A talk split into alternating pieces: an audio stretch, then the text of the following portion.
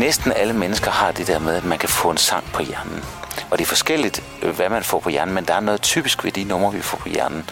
Typisk er det nogle numre, der har sådan noget lidt aparte, der bliver gentaget igen og igen. Velkommen til Dopamine Release. En podcast om, hvad der faktisk sker i din krop og hjerne, når du mærker musikken live.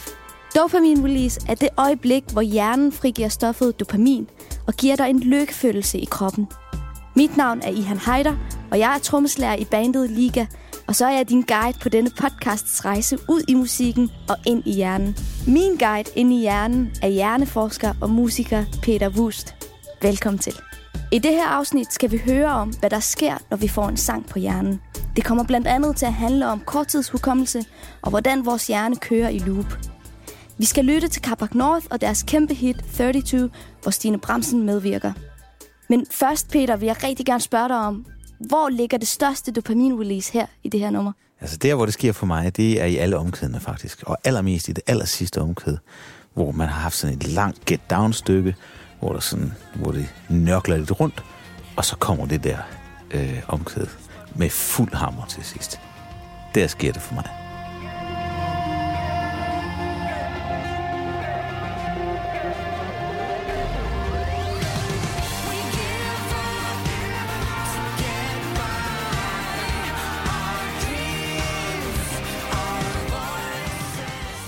Wow, det lyder godt.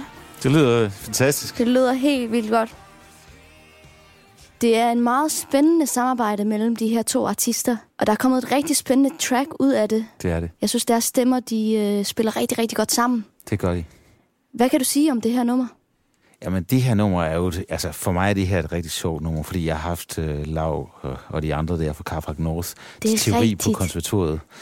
Så jeg, jeg har jo altid fulgt dem, så det er noget af det popmusik, jeg har fulgt øh, en hel del. Ej, hvor sjovt. Og øh, ja, de var jo egentlig jazzmusikere, men øh, de er jo blevet ret gode til at spille rigtig rock. Mm. Og det er jo sådan rigtig, det er næsten headbanger-agtigt, samtidig med, at det, at det også er ret, ret sofistikeret ja. øh, som nummer. Men en sjov ting ved det her nummer, det er starten på det. Okay. Mm, da, da, du, da, du. Den der guitarfigur, der bliver gentaget igen og igen. Ja. Og den er næsten skræddersyet til, at vi får den på hjernen. Det, det er et hook i sig selv det er et hook, fra starten af. Det er et hook ja. i sig selv, og det bliver gentaget rigtig, rigtig mange gange. Ja. Og det kører under store dele af nummer, som ellers er sådan ret kompliceret mm. med mange forskellige stykker og øh, øh, drops og alle mulige ting, der sker i det her nummer. Men, men det, som jeg synes er interessant ved sådan noget som det der med det der hook, det er, at med det samme, vi har hørt det, ja. så når man har hørt nummeret bagefter, det slutter også med sådan noget, der minder om det, der skete i starten af nummeret. Og så får man næsten lyst til at høre det igen og, og man kan lynhurtigt få det her nummer på hjernen. Og det er altså noget, som vi kender fra rigtig, rigtig mange numre. Ja.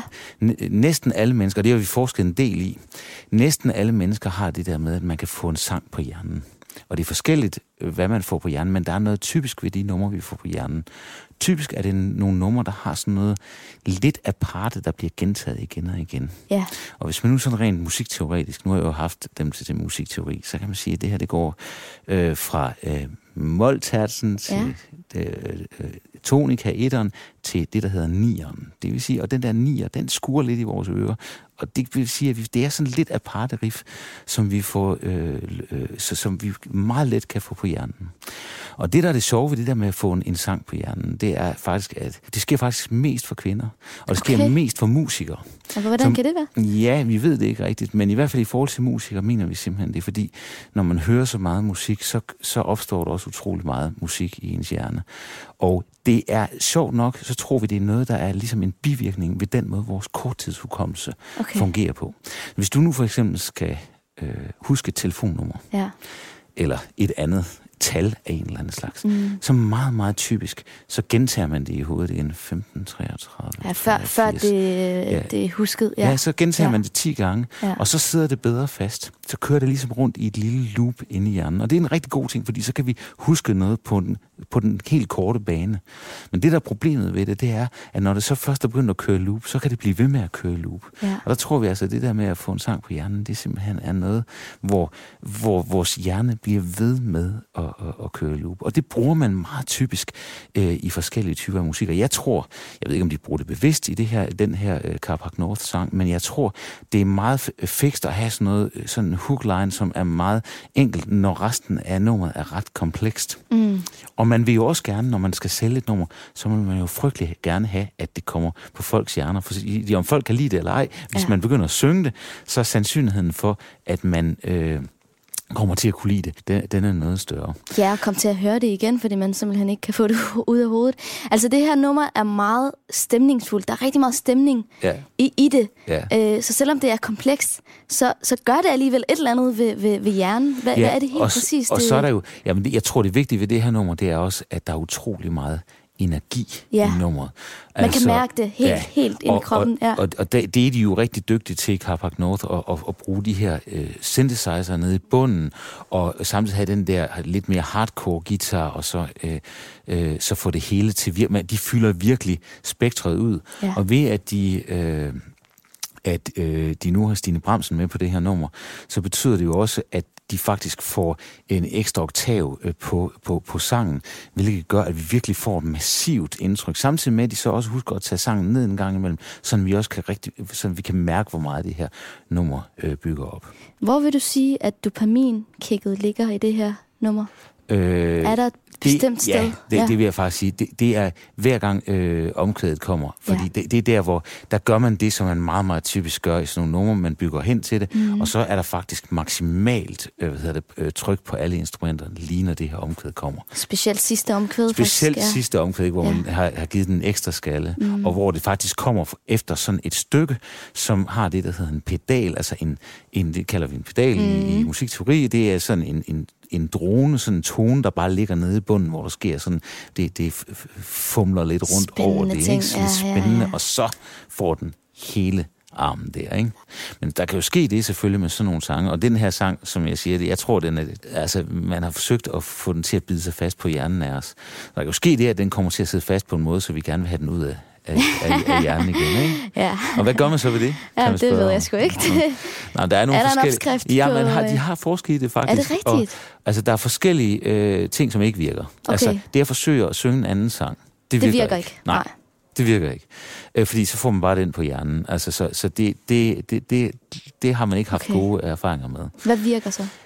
Ja, altså en af de ting, de har påstået virker, det er tyk tyk gummi.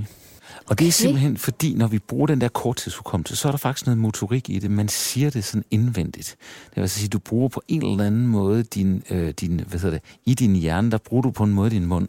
Og hvis du så sætter munden til at gøre noget helt andet, så øh, mener man altså, at det skulle blokere for det her med at få noget øh, på hjernen. Wow. Og det ser ud som om, det, det har en, en lille virkning. i Har du fald. prøvet det? Jeg har det meget tit. Jeg har en frygtelig sang, jeg altid får på hjernen. Og jeg hader sangen. Og virker det så? Øh, ja, nej, jeg, det, det er ikke rigtigt. Det kan jeg ikke.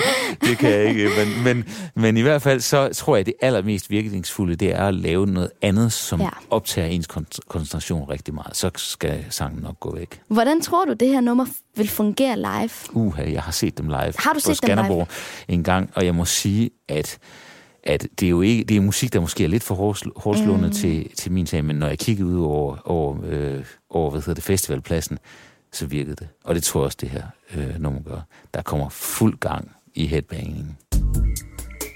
Det var super spændende, Peter. Tusind tak. Og anbefalingen er som altid herfra. Kom ud og hør noget live musik. Det kan ikke siges nok. Du kan blandt andet opleve Kabak North på en masse festivaler og spillesteder hen over sommer og efterår.